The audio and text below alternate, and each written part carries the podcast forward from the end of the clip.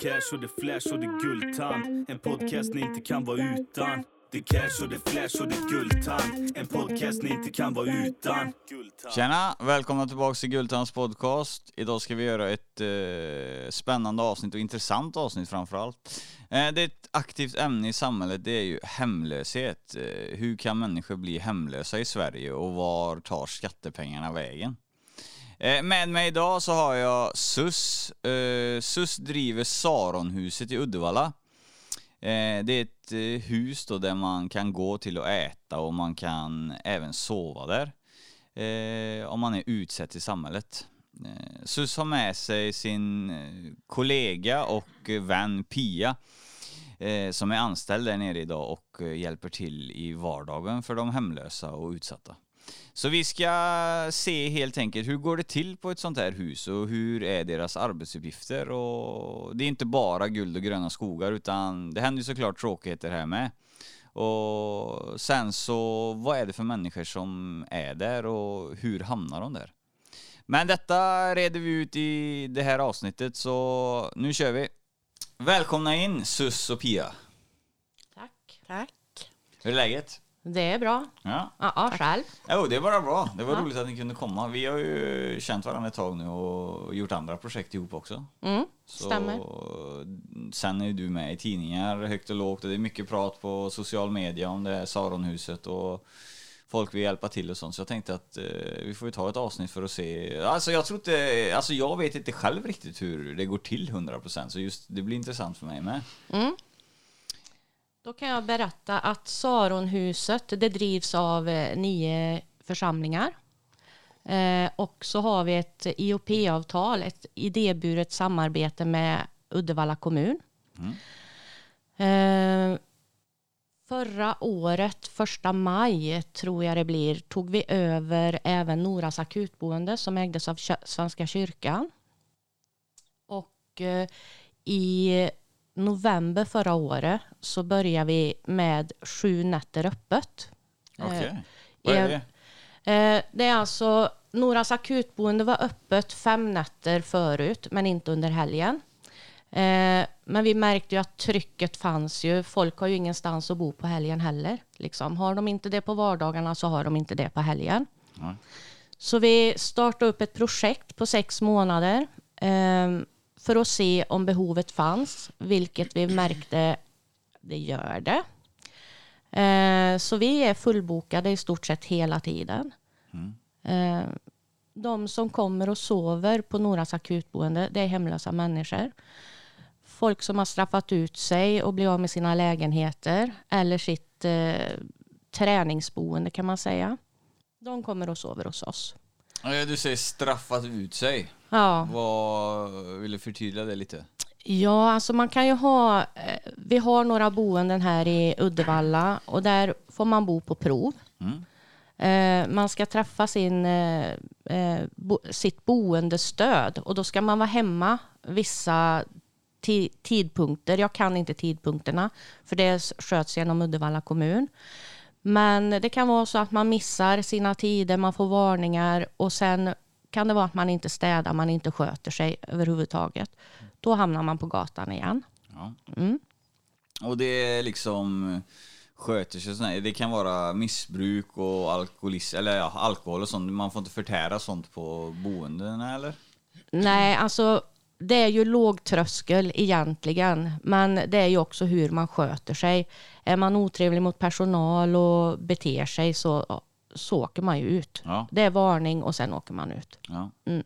Jag var ju där nere och hälsade på och sponsra boendet med smörgåsar för ett tag sedan. Ja, Eh, Och då märkte jag att eh, ja, det var, jag såg ju inga, ni har inga vakter eller någonting på de här ställena utan ni är ansvariga själva eller? absolut. Ja. Mm. För där kommer jag ihåg en händelse, det var ju en herre där inne som höjde tonen lite men du lugnade ner han eh, rätt fort. Ja. Eh, han gillar inte riktigt eh, situationen men eh, nej det, är- det är imponerande.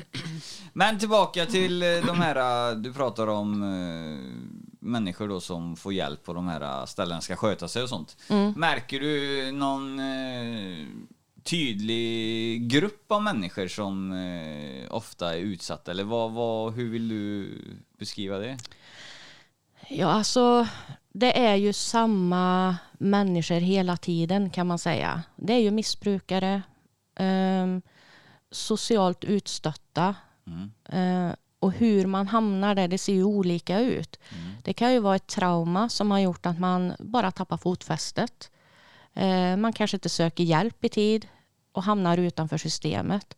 Så det ligger ju mycket på den egna individen själv naturligtvis. Eh, sen har vi ju ett mörkertal där vi vet att vi har ganska många hemlösa i Uddevalla som sover hos varandra och som eh, så länge det finns pengar och så länge man kan betala för sig så är det okej. Men sen åker man ju ut även hos vänner. Har du märkt någon större, vi har ju haft en, vad alla uppfattat, en lite kallare vinterperiod nu eh, i Sverige, tycker jag i alla fall. Ja. Eh, och en längre tid har det varit väldigt kallt. Eh, Har ni märkt någonting, eh, någon högre belastning på era ställen där man kan komma och sova? Ja, alltså nu har ju vi faktiskt fått hjälp genom eh, socialchefen. Bland annat Göran, eh, nej inte Göran, Roger Granat heter han. Ja.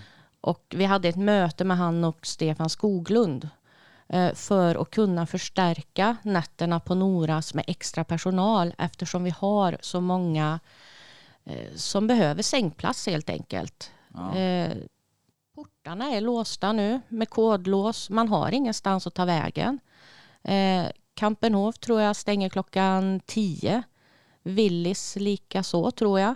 Så efter klockan 10 har man liksom ingenstans att ta vägen och då söker man sig till oss och blir även hänvisad till oss genom socialen då. Ja. Mm.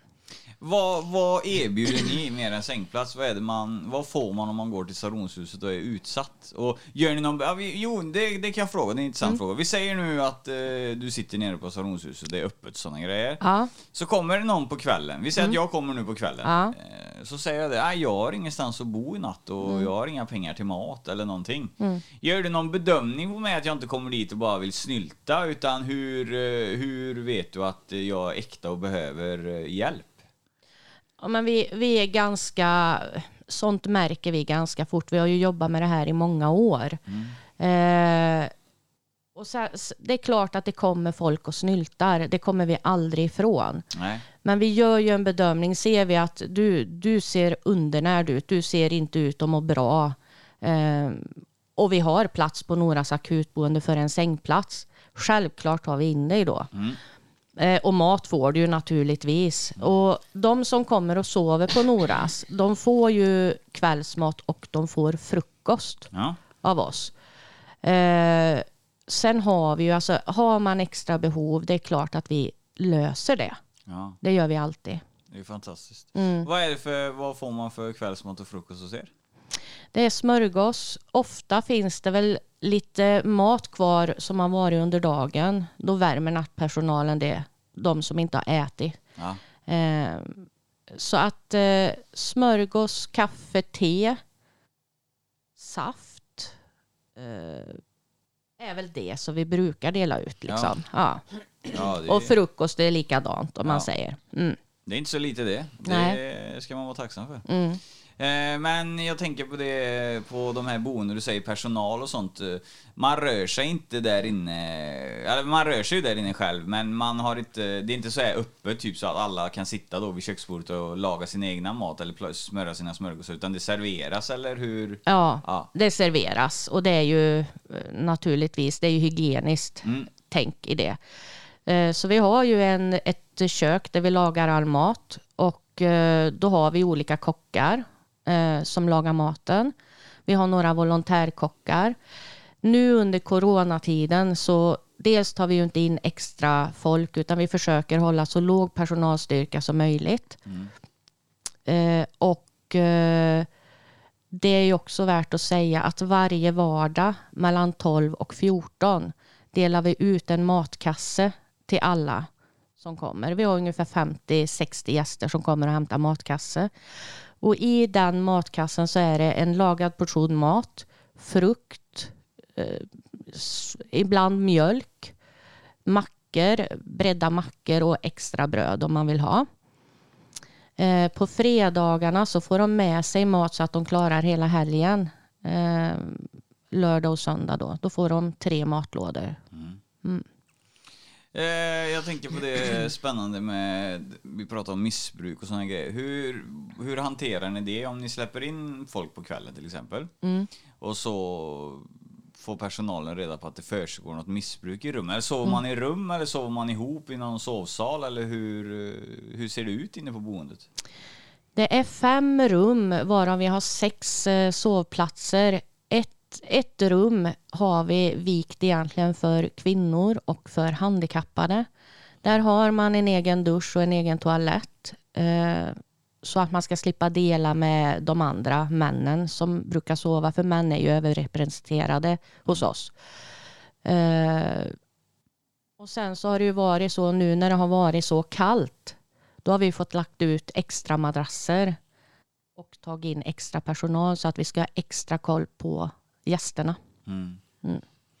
Eh, jag tänkte på det tillbaka till det vi, jag ställde frå, två frågor till dig i en smäll där. Jag tänker på det, det här med missbruket då. Hur, hur hanterar ni sånt på boendet om ni misstänker att någon håller på med något fuffens när de är inne hos er? Då har vi ju personal som är väldigt... Eh, vi har världens bästa personal, får jag säga, nattpersonal. Eh, med ett lågaffektivt bemötande. Skulle det hända någonting, ja men då ringer vi till polisen eller larmar. Vi har larm.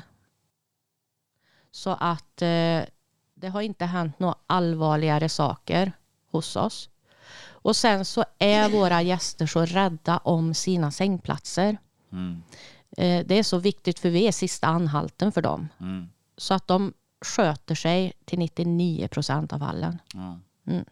Märker du någonting på eh, gästerna att eh, det är olika folk, kulturer? Är det mer svenskar eller mer invandrare eller är det en mix? Vad uppfattar du som mest eh, på boenden? Det är mest svenskar. Okej. Ja. Ja. Eh, och vi vänder oss ju till Uddevalla kommun. Alla, alla som bor i Uddevalla som är hemmahörande där, de har ju sovplats eh, i första hand. Sen kommer det ju kommuner som ringer till oss från socialtjänsten och vill ha boende. Och har vi det så får de en plats de med. Mm.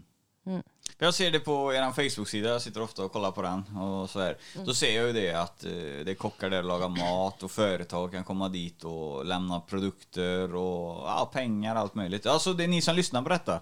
Saronhuset alltså, de tar emot gåvor som hjälper de utsatta. Så passa på där om ni är ett företag eller om ni är någonting istället för att kanske dela ut någon present något år eller någonting till de anställda så kanske man kan gå ihop så man kan lägga någonting till de här boendena som hjälper de utsatta. Men som sagt, jag ser på er Facebook-sida att där serveras det ju mat eh, och jag vet att även min fru har sagt någon gång att vi ska gå dit och äta. Ni är välkomna. Ja, men det, det, jag fattar inte det. Det, det ska du förklara för mig. Jag Ja. kan gå dit och äta så betalar jag ju pengar. Ja. Och de pengarna då gör nytta till eh, eran verksamhet eller? Absolut. Coolt. Absolut. Ja. Okej. Eh, sen är det ju så här, just nu så har vi ju, det är ju coronatider, så matsalen är ju stängd. Det är därför vi delar ut matlådor i matkassar då till våra gäster, de mest behövande. Ja. Men när eh, verksamheten är igång, Mm. då får alla komma och äta. Och de som har råd, de betalar. Ja, Eh, och sen är det ju de som inte har råd, de får ju självklart mat och det är ju gratis för dem. Men det är det jag missuppfattar. För Ja. jag, sa, jag kommer ihåg att jag sa så. Nej, jag vill inte gå dit och äta och äta av den maten. Den behöver andra eh, mer. Alltså. Ja. Men då tänkte jag på det, alltså, kan man gå dit och så betala för sig för en vanlig lunch till exempel när jag går och käkar på Mona Lisa till exempel. Men jag drar till Saronhuset och äter istället för att betala för mig och pengarna gör någon nytta till utsatthet. Det är ju Absolut. perfekt. Eh, Men det var bra att du sa det då, för Ja. det visste inte jag. Det är därför jag inte har dykt upp heller. Mm. Eh, Så att eh, det kommer jag göra, för det är ju roligt att äta god mat samtidigt så går pengarna till eh, välgörenhet. Absolut. Men vad en eh, standarddag på Saronhuset, eh, öppning, då står de och väntar utanför på dig när du kommer eller? För vi, vi ska skilja på detta, Noras hem och Saronhuset, det är inte samma saker. Nej, Eh, du får gärna förklara skillnaderna där på Mm. rutinerna. Saron, alltså det är ju tre verksamheter. Saronhuset är ju det matsalen hör till. Sen har vi träffpunkten och det brukar vi kalla för källaren. Det är ju liksom, vad ska man säga, som ett vardagsrum för våra gäster där man kan komma in, värma sig, lägga sig på soffan, vila om man har varit ute hela natten eller bara har det behovet, få lite lugn och ro. Eh, där får man kaffe, macka, kaffebröd och det är också gratis. Mm. Och det är ju, vi kan dela ut det gratis för att vi får in det från våra gåvogivare då. Ja. Eh, och då öppnar vi klockan åtta på morgonen och då är det kö. Då vill de ha frukost och eh, vara lite sociala och prata bort lite tid, många av dem. Eh, och vi stänger klockan fyra. Mm. Så den tiden är alltid träffpunkten öppet i normala fall. Ja. Saronhusets kök, där serverar vi middag, mellan, eller lunch är det, mellan klockan 12 och halv två. Eh, sen så stänger vi där och för städning och sånt. Sen flyttar personalen ner från köket till träffpunkten eh, för att stötta upp och hjälpa till. Eh, vi har en genomströmning av gäster på ungefär vi har räknat mellan 80-100 personer och en del är, av dem är ju återkommande. De kommer in, tar en kaffe, går iväg igen, kommer in, tar en macka. Så så ser det ju ut. Eh, och jag vet, jag räknade, då var det 40 personer eh, nere i träffpunkten samtidigt. Det blir ju väldigt trångt. Men då var det ju inte coronatid heller. Eh, så det är blandat med personal och man kan säga så här att många av gästerna har ju dispyter med varann. Men när de kommer till oss så är de faktiskt, det, det är en fristad. Inga problem ska tas upp där, inga skulder, inga, eh, ja, vad de nu har med varann att göra. Och det funkar väldigt bra oftast. Ibland blir det ju lite tjafs och lite så. Eh, Men vi har faktiskt löst det och personalen är väldigt bra med ett lågaffektivt bemötande. Att man går inte in utan man lugnar ner och avvisar de som inte eh, sköter sig helt enkelt. Ja.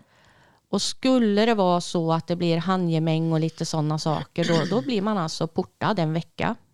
Och det är vi stenhårda med. Då får man sova ute helt enkelt om man tar någon annanstans. Ja, alltså sköter man sig inte ehm, så, så vad, vad ska vi göra? Vi är ju personalen och de andra gästerna. Så där har man ett eget ansvar. Mm. Då tänker jag så här, samhället, eh, vad hjälper samhället dem med?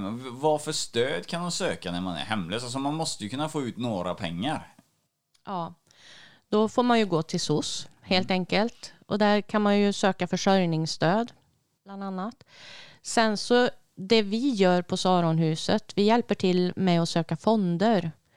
Vi har några äldre eh, pensionärer som kommer till oss eh, och då brukar vi hjälpa dem att fylla i sina eh, ansökningar helt enkelt och se till så att eh, de är klara och färdiga för att skicka in. Det är väl det. Mm. Men jag tänker på det, de som, finns det de som hänger hos er som har 0,0 kronor? In varje månad typ, alltså. Ja, det, det finns det faktiskt. Ja. Varför är det så? Om man alla kan gå till SOS typ, varför tror du att vissa har 0,0 in? Varför har de inga pengar överhuvudtaget? Är det för att de har misskött sig då? Eller att SOS... Vad, vad tror du att socialen gör när de säger till någon som söker till dem så, Nej, vi kommer inte hjälpa er. Varför säger de så tror du? Vad, vad är den grejen då? Ja, då har man ju inte fyllt i sina ansökningar ordentligt. SOS kan ju ha ringt flera gånger eller försökt få tag i dem och de är inte anträffbara. Okej. Eh, Så att jag tror faktiskt att SOS gör det de kan i det här läget. Sen är det de som tvärvägrar att gå till SOS. Eh, vad det beror på, det, det är ju lite upp till person till person. Men det finns faktiskt de som vägrar att gå dit även om man är i behov av det. Men så tekniskt sett, om jag, om jag tänker rätt nu, då kan du vara hemlös. Du kan vara missbrukare som använder droger. Men du kan gå till SOS då och säga till dem så här att ja, jag har inga pengar och du fyller i din ansökan rätt så får du pengar eh, i månaden. Du kan alltså använda de pengarna egentligen bara för att knarka upp dem och inte göra något. Om du väljer den vägen i livet så kan du vara missbrukare och gå och hämta pengar hos SOS utan att, ja, och så vara hemlös då. Ja, i det stora hela så är det ju så. Däremot så brukar de ju dela ut matrekvisitioner. Ja. Eh, och där på dem brukar man inte få köpa cigaretter eller snus eller någonting utan det är ren mat Ja, okej. man får handla. Tar du emot sådana kuponger eller? Nej, vi tar inte emot dem utan det är affärerna då, till exempel Willys. Eh, som de får gå och handla mat i. Ja. Spännande. Nej, ja, det, jag vet inte riktigt vad, men jag tycker att det har blivit eh, ett större problem med eh, utsatthet och eh, hemlöshet framför allt. Eh, jag, har ju träffat, jag var ju nere hos dig där. Eh, då kommer jag ihåg att du sa, för då när jag var inne i det här rummet, det är den källaren jag var i när jag gick in Ja. där från vägen och så ner. Ja. Eh, men det, då kommer jag ihåg att du sa det, att det är en frizon här. här det, här. det fanns ovänner där inne, men just där inne så bråkar de inte med varandra. Nej, precis. Eh, och jag vill komma ihåg det när jag var där att eh, det var ju pensionärer och det var helt vanligt folk och sen så var det ja lite hårdare typer då som om man läser av personer då Ja. eh, så var det lite hårdare. Det var en blandning. Men alla såg ut att vara väldigt trevligt. Ja.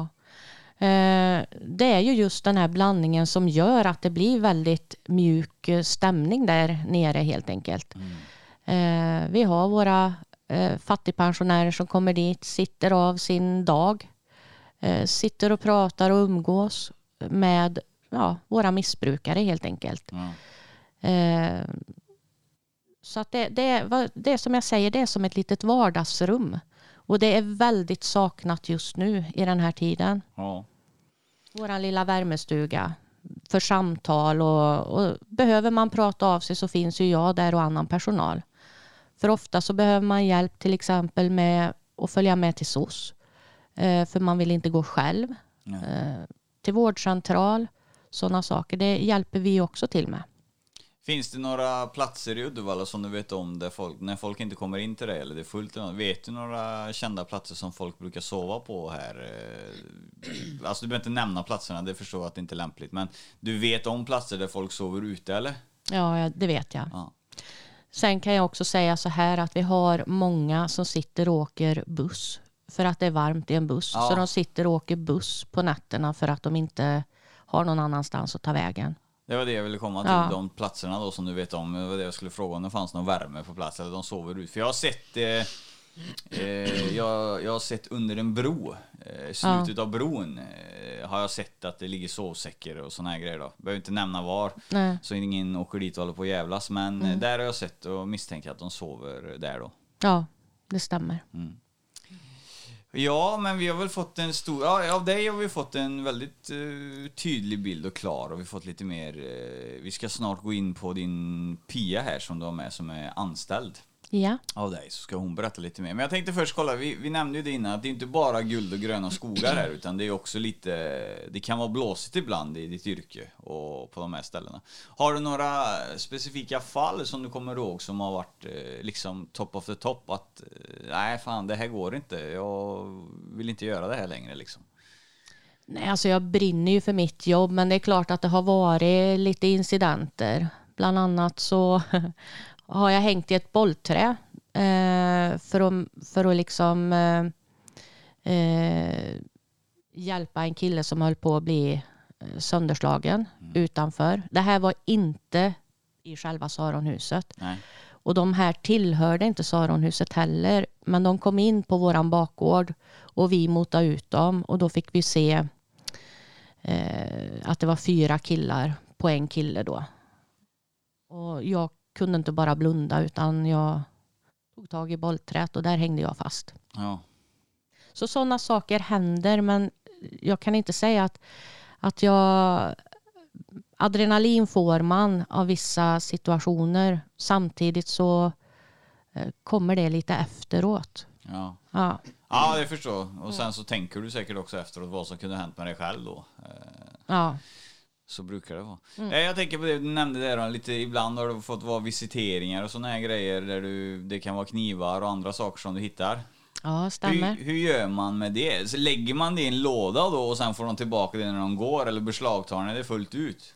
Eh, oftast glömmer de bort att de har lämnat in. Och vem som helst kan ju inte gå fram och be att få kniven Nej. eller en yxa eller vad det nu kan vara.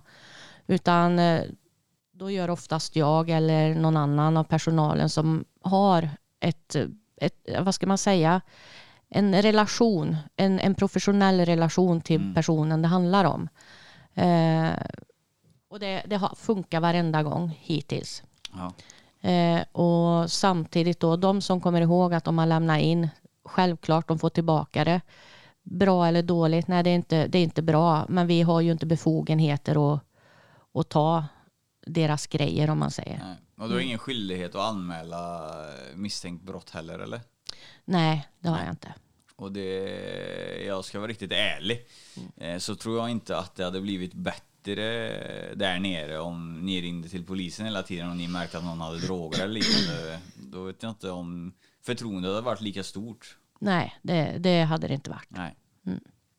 Nej men eh, jag är nöjd med dig om man ska säga. Jag är imponerad av dig som kvinna som sysslar med detta och driver eh, sådana här ställen för att hjälpa andra människor och viger din tid för det. Eh, jag ser dig på social media ofta och läser om dig i tidningar. Du är väldigt respekterad kvinna i de här trakterna. Tack. Ja, och det är många som eh, lägger du ut en förfrågan så brukar du ha väldigt, väldigt många kommentarer på folk som vill hjälpa dig.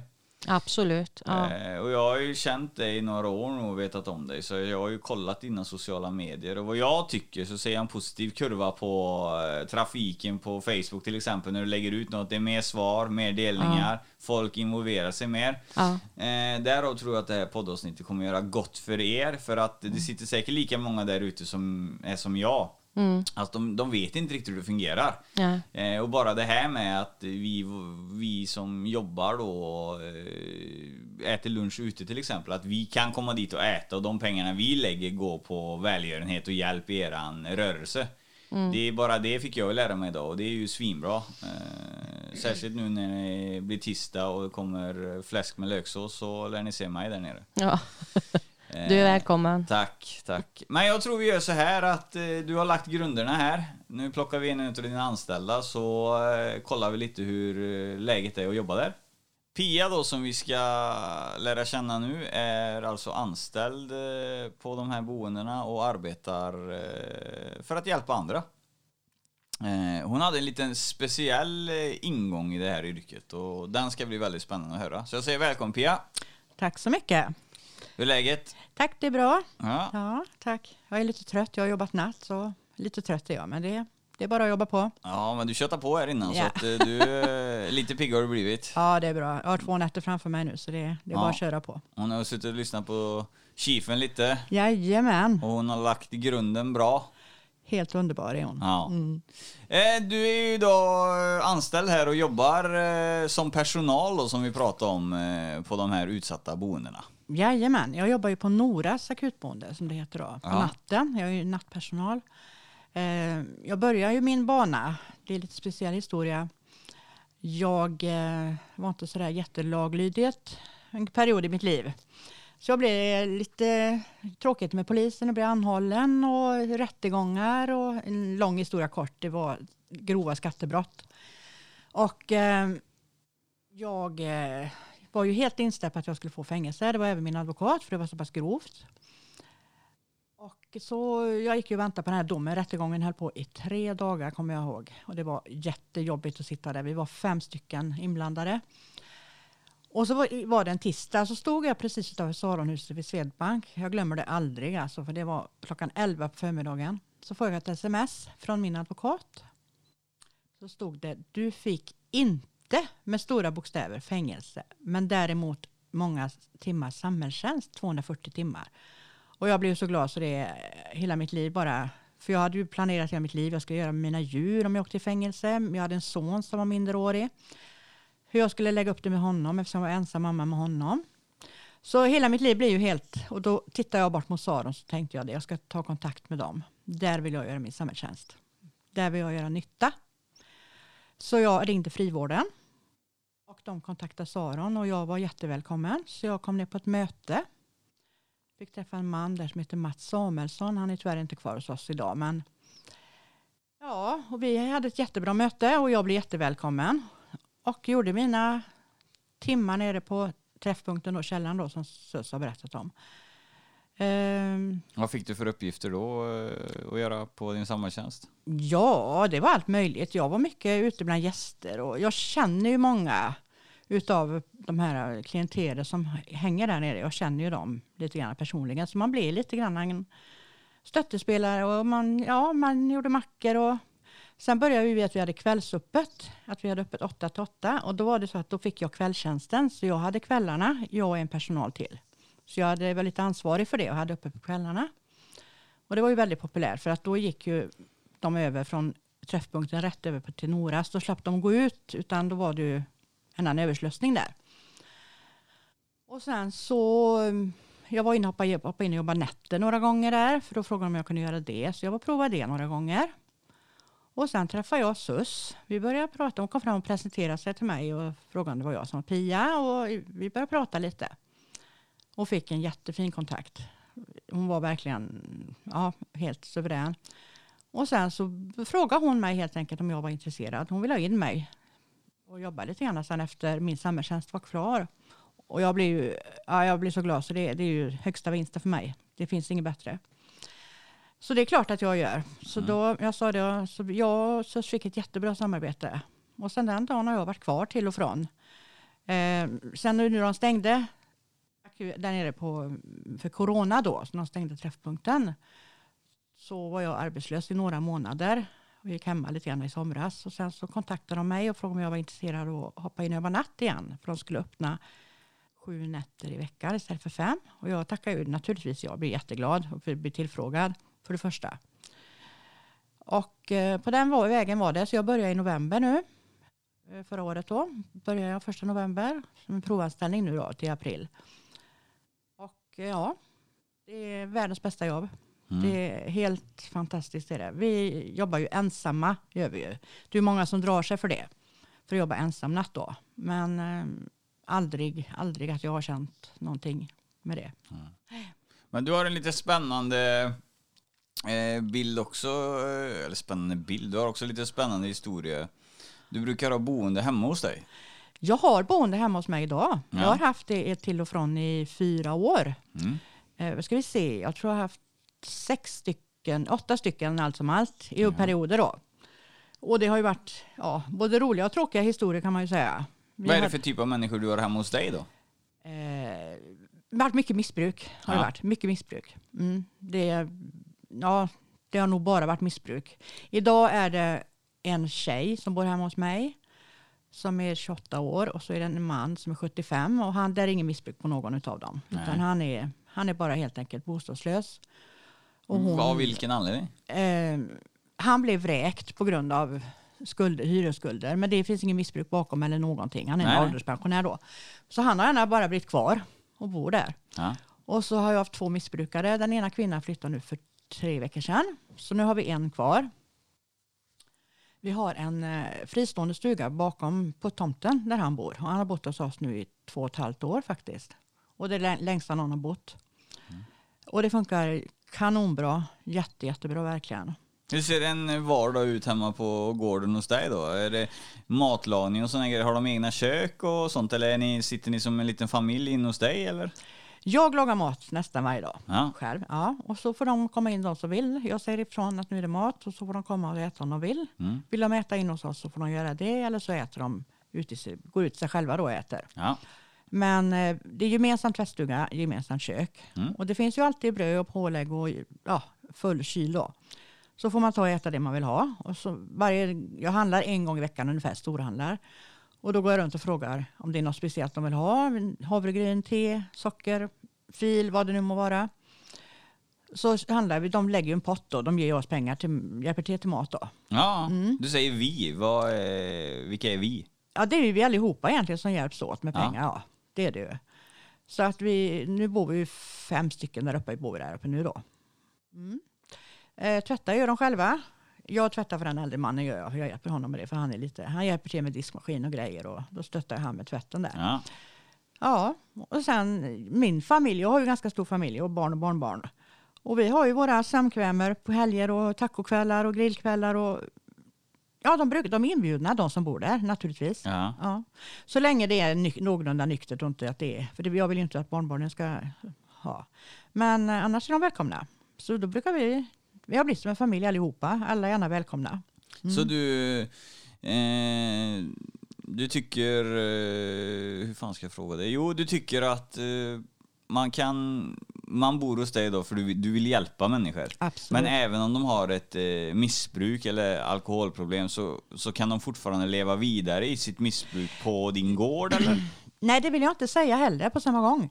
Jag är ju ingen polis där och är där och pekar med. Men naturligtvis, jag, jag, jag har ju regler va. Mm. Du kommer inte in om du är för full. Det gör du inte. Du kommer inte in i huset då. Då får Nej. du gå på toaletten om du behöver det.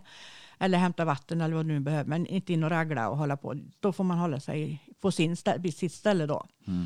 Ehm, sen hade vi i och för sig, vi hade en, jag behöver inte namnge någon, men vi hade ju faktiskt en kille som Ja, det var gängrelaterat och det blev ju jättetråkigt till slut. För det slutade ju med att jag hade insatsstyrkan i trädgården. Bodde han hos dig eller? Jajamän, Ja. han och hans flickvän bodde hos oss. Så en dag så satt jag och tittade på Hem till gården. Mitt favoritprogram och dessutom det så ser jag att det kommer billyktor som lyser i fönstret. Jag tänkte inte mer på det. Jag trodde det var någon av barnen. Och resten det så står det tre män i trädgården med dragna k-pistar i trädgården utanför. Och bara sprang runt gubbar överallt och då var det insatsstyrkan. Då visade det sig att det var ju ja, mer än vad vi visste där. Det var Ja. ju vapen och grejer och sånt. Så att det blev väldigt kaotiskt där en stund. Men han flyttade sen efter ett par veckor av. För eh, ja, det är inte roligt. Det hade inte varit kul om mina föräldrar varit där till exempel eller mina barn och så kommer polisstyrkan med dragna vapen. Nej, Så att såna, det är ju sådana grejer. Men det är ju, det är lite spännande där. Ja. Eh, eh, spännande och tragiskt såklart. Men vi säger så här nu att du har boende på, ditt, på ditt, din tomt. jajamän, Så kommer insatsstyrkan. jajamän. Är det då vapenrelaterat? Gör de husrannsakan i ditt hus också? Eller nöjer de sig med eh, där de bodde? De gör inte husrannsakan in hos mig. Jag Nej. frågade dem om de ville gå in Mm. och det ville de inte. Nu är det så, jag känner, ju rätt många poliser, det gör vi genom jobbet eftersom vi har mycket kontakter med poliser. Så de vet ju gärna vem man är. Mm. Eh, men polisen, då, under den tiden han bodde där, då var polisen hos oss varje dag och gjorde en lov uppe på gården. Ja. För att kolla hur läget var, om det var någon, ja, någon annan person där kanske, eller någon som efterlyste eller någonting. Så det var lite jobbigt faktiskt, det tycker jag ju. Men, men det är ju så.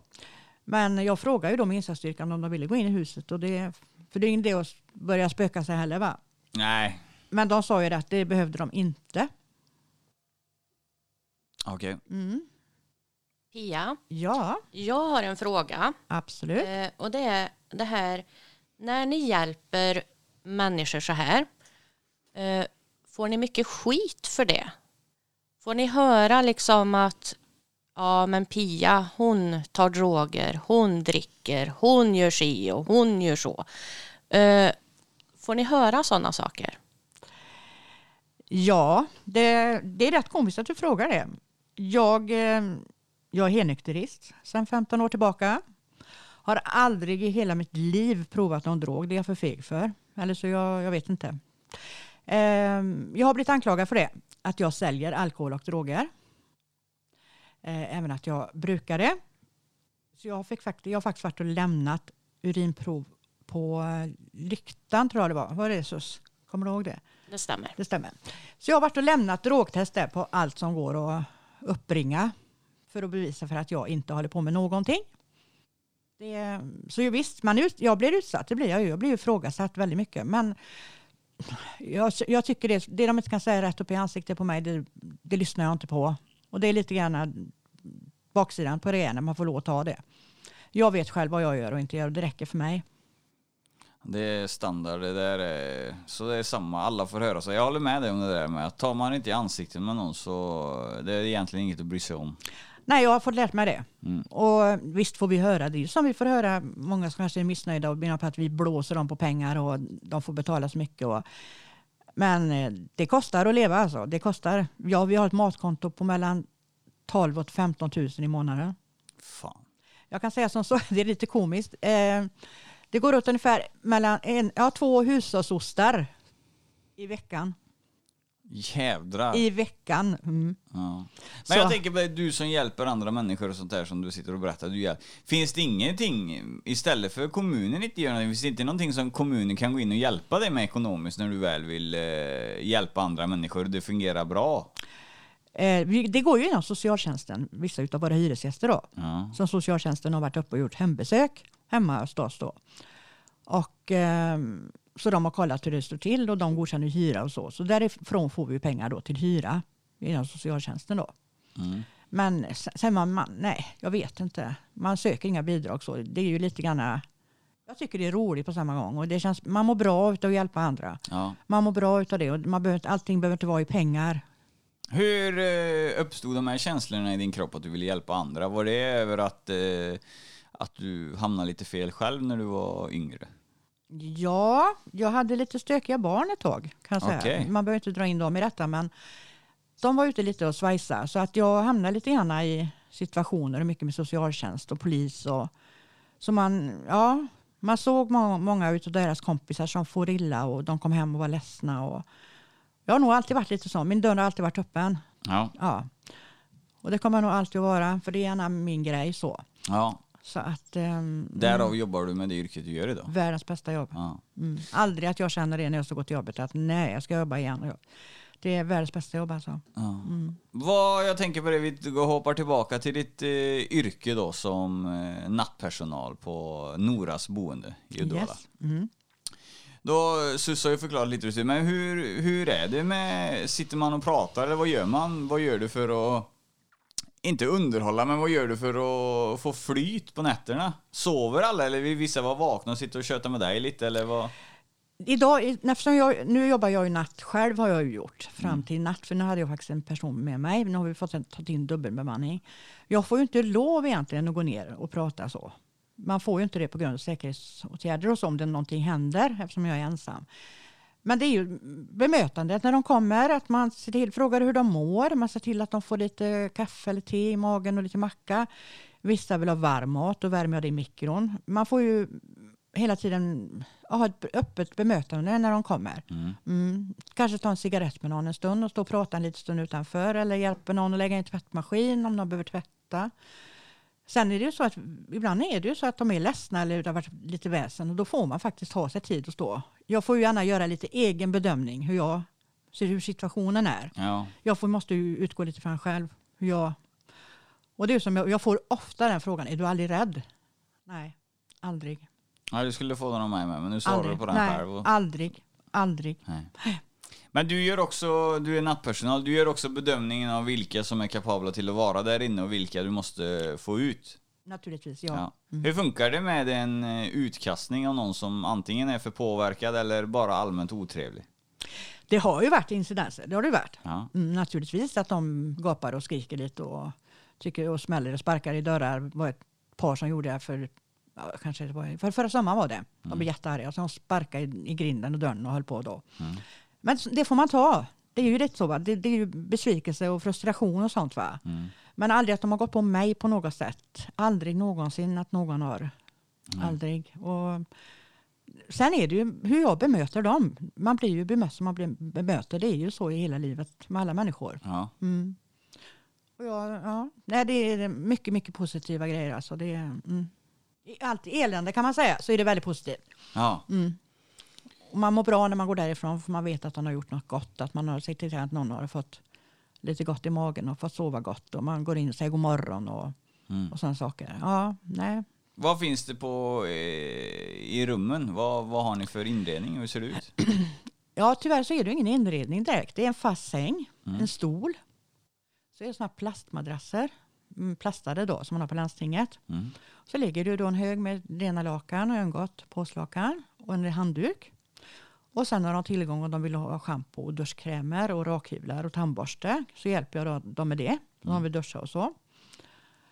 Eh, det är inte mycket mer på rummen faktiskt. Så det är ju lite grann cellkänsla får man ofta höra. Ja. Mm, att det är lite häkteskänsla över det. Ja. Eller ja. Och det kan jag nog förstå eftersom jag själv har som sagt suttit där en gång så förstår jag deras känsla. Man förstår det på ett annat sätt. Ehm, så har vi innergården där de får gå ut och röka. Och där sitter de och pratar och de som röker då eller Ja. så. Mm. Och ibland så kan de ropa, då går jag ut den, för man sitter på trappa upp så man har den som en liten balkong och då går jag ut på den och så kan vi stå och prata, så står jag där uppe och pratar lite så med dem. Sen visst, jag har gått ner och pratat naturligtvis, det gör jag ju om det är någon som inte mår riktigt bra eller man får vara lite, man får göra en bedömning där lite grann. Så. Mm. Och jag tänker på det, har du någonting som du vill få ut till de som är där ute som är hemlösa idag? Att hur de ska, det kanske finns de som är hemlösa här ute, mm. men de vet inte riktigt var de ska ta vägen eller vad de ska göra. Har du några tips till dem som du skulle vilja dela med dig av? Det är jättesvårt alltså. Det är mm. verkligen. Och det är det så att det är så att det är så oblandat med folk, att det är så olika. Jag kan berätta en historia om, det är väl två år sedan nu, då kom det, var jag utanför. Då kom det en kvinna med ett barn i en barnvagn. Då hade hon blivit hitlurad till Uddevalla och skulle få hyra ett hus och när hon hade kommit dit med barnet så hade han ändrat sig. Och då stod hon där på gatan med det lilla barnet. Och vi får ju inte ta in under 18, under 18 år. Så jag fick ju gärna hjälpa henne då att kontakta socialjouren. Och sådana där situationer kan ju också uppstå. Så då fick jag kontakta socialjouren och hon fick gå dit upp så hon fick hotellnatt med sitt barn då över natten då. Mm. Och sen, det är sådana roliga historier på samma gång. Jag kom, jag, speciellt en historia, jag, jag kom en kväll och då stod det en kille med chinos, jättefin skjorta, välkammad. Inte alls, man ska inte dra folk över en kant, så det är inte det jag menar. Men han, han passade inte in där. Han, han, nej, han ska inte in här tänkte jag. Och på den tiden var vi två personal och då gick vi upp där vi har matsalen och åt kvällsmat tillsammans på den tiden. Och när jag kommer upp för trapporna då sitter han där och jag kände inte igen honom. Jag brukar alltid ha det som regel att jag går fram och presenterar mig och säger vem jag är. Att jag ska jobba natt om det är någonting och så. Jag brukar alltid göra det. Och det blev att jag och han satt och började prata. Och han började gråta den här killen. Gjorde han. Så sa jag, du får ursäkta mig, jag måste bara fråga vad, vad, varför kommer du hit den där? För du, du, passar inte riktigt in så. Då var han spelmissbrukare den här killen och blivit utslängd. Mm. Det här var på en torsdag. Och sen på fredag, sen satt vi hela kvällen, för då var vi två personal, så då kunde jag sitta där nere. Så vi satt och pratade hela kvällen, jag och den här killen. Och sen på fredag morgon, han var helt förtvivlad, för han visste inte vart han hade sovit ute en natt och han var alltså helt förtvivlad, alltså helt. Och jag bara kände, jag kan inte lämna den, han var ju min sons ålder, jag kände jag kan inte lämna honom här. Jag bara, jag vet inte, jag mamma hjärtat eller något där. Så jag tog med mig honom hem, mm. gjorde jag, och sa du kan bo hos mig över helgen, sa jag. Jag tar med dig hem så får du, för han var ju ordentlig och så. Och han blev kvar hos mig i två månader. Blev han. Uh, betala hyra och jag hjälpte honom. Var mycket samtal, mycket ångest, mycket grejer. Jag fick tillkalla ambulans ett par gånger för han fick sådana ångestattacker. Um, ja, jag stötte honom helt för hans familj, hela hans familj hade vänt honom ryggen. Spelade bort mycket pengar eller? 800 000. På kort tid? Ja, på ett och ett halvt år. Vad löst? Ja, men han jobbade och sånt eller? Vad? Nej, han jobbade inte då. Eh, hela hans liv hade rasat. Han hade ingenstans att bo, han hade ingenting, han hade inga pengar, inget jobb, ingenting. Men jag stöttade honom i detta och vi pratade och vi grejade och höll på. Och idag så är han ett förhållande. Han har lägenhet, han har bil, han har jobb. Han är fri från spelmissbruket sedan ett och ett halvt år tillbaka. Så det är en sån här riktig solskenshistoria egentligen. Mm. Jag fick faktiskt ett mess från honom. Jag skickade det till dig, så kommer jag ihåg. Ja. Där han, han tackade mig. Han sa att det är tack vare det att jag lever. Och det, mm. det är sådana här grejer som gör att man, man, man orkar, att man vill. Alltså, för det, alltså, det är så mycket värt. Mm. Då ska jag ge er en solskenshistoria till. Eh, jag har en, eh, ja, väldigt nära som jag känner, som faktiskt har spenderat några nätter hos er. Eh, både på grund av ingenstans att bo eller, ja, och missbruk.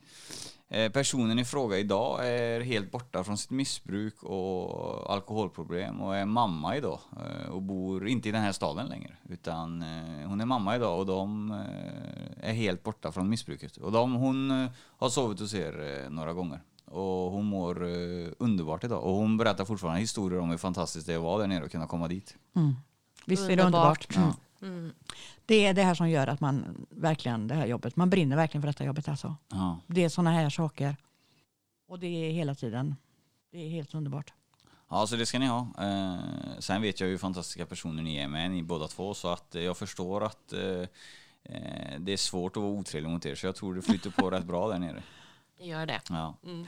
Ni blir ju lite av deras eh, mamma kan man ju säga. Alltså, även om de är äldre så blir det fortfarande lite mammafunktion på det hela tycker jag.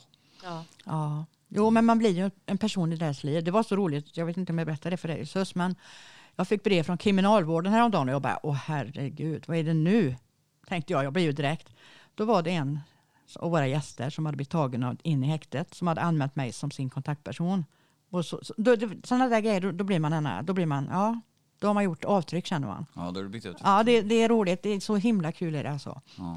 Så det, ja, det är mycket. Nej, vi har fått en riktigt eh, stor bild och rörande bild och jag känner att eh, jag är väldigt nöjd med den här eh, förklaringen och utsagan jag har fått av er. Eh, och jag vill Tack. passa på att inte tacka er för att ni kom hit. Jo, det vill jag också göra, absolut. Men jag vill först och främst tacka er för det ni gör för samhället. Eh, jag hoppas inte jag hamnar där någon gång. Men gör jag det så vet jag att jag kommer hamna väldigt tryggt ändå. För då kommer jag gå till Saronhuset det första jag gör. Eh, Så eh, fortsätt med det ni gör. Och är det någonting som vi kan eh, hjälpa till med så får ni gärna höra av er. Men plus är det någonting som ni vill ha ut i samhället som kan underlätta ert arbete så är ni jättevälkomna och ta det här i podcasten så fler kan höra det. Mm. Inget ni tänker på så kanske? Nej, alltså, jag vill ju gärna passa på att tacka alla våra sponsorer som vi har. Alla gåvogivare, eh, stora som små. Ni gör skillnad för oss. Och det är därför vi kan göra vårt jobb så bra. Så det är tack vare er. Tack så jättemycket. Grymt.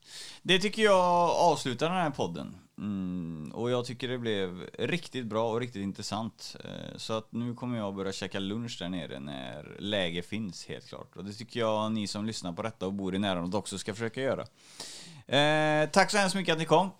Tack så mycket. Tack själv. Ha det bäst från Alex Gultan så syns vi nästa vecka. Och det ni ska göra under tiden det är att följa podden på Instagram och det är ett, in, ett Gultans podcast såklart. Och eh, dela och sprid podden. Det är ju så vi får mer lyssningar och vi får mer intressanta ämnen helt enkelt. Så ha det bäst. Tjena! Gultan.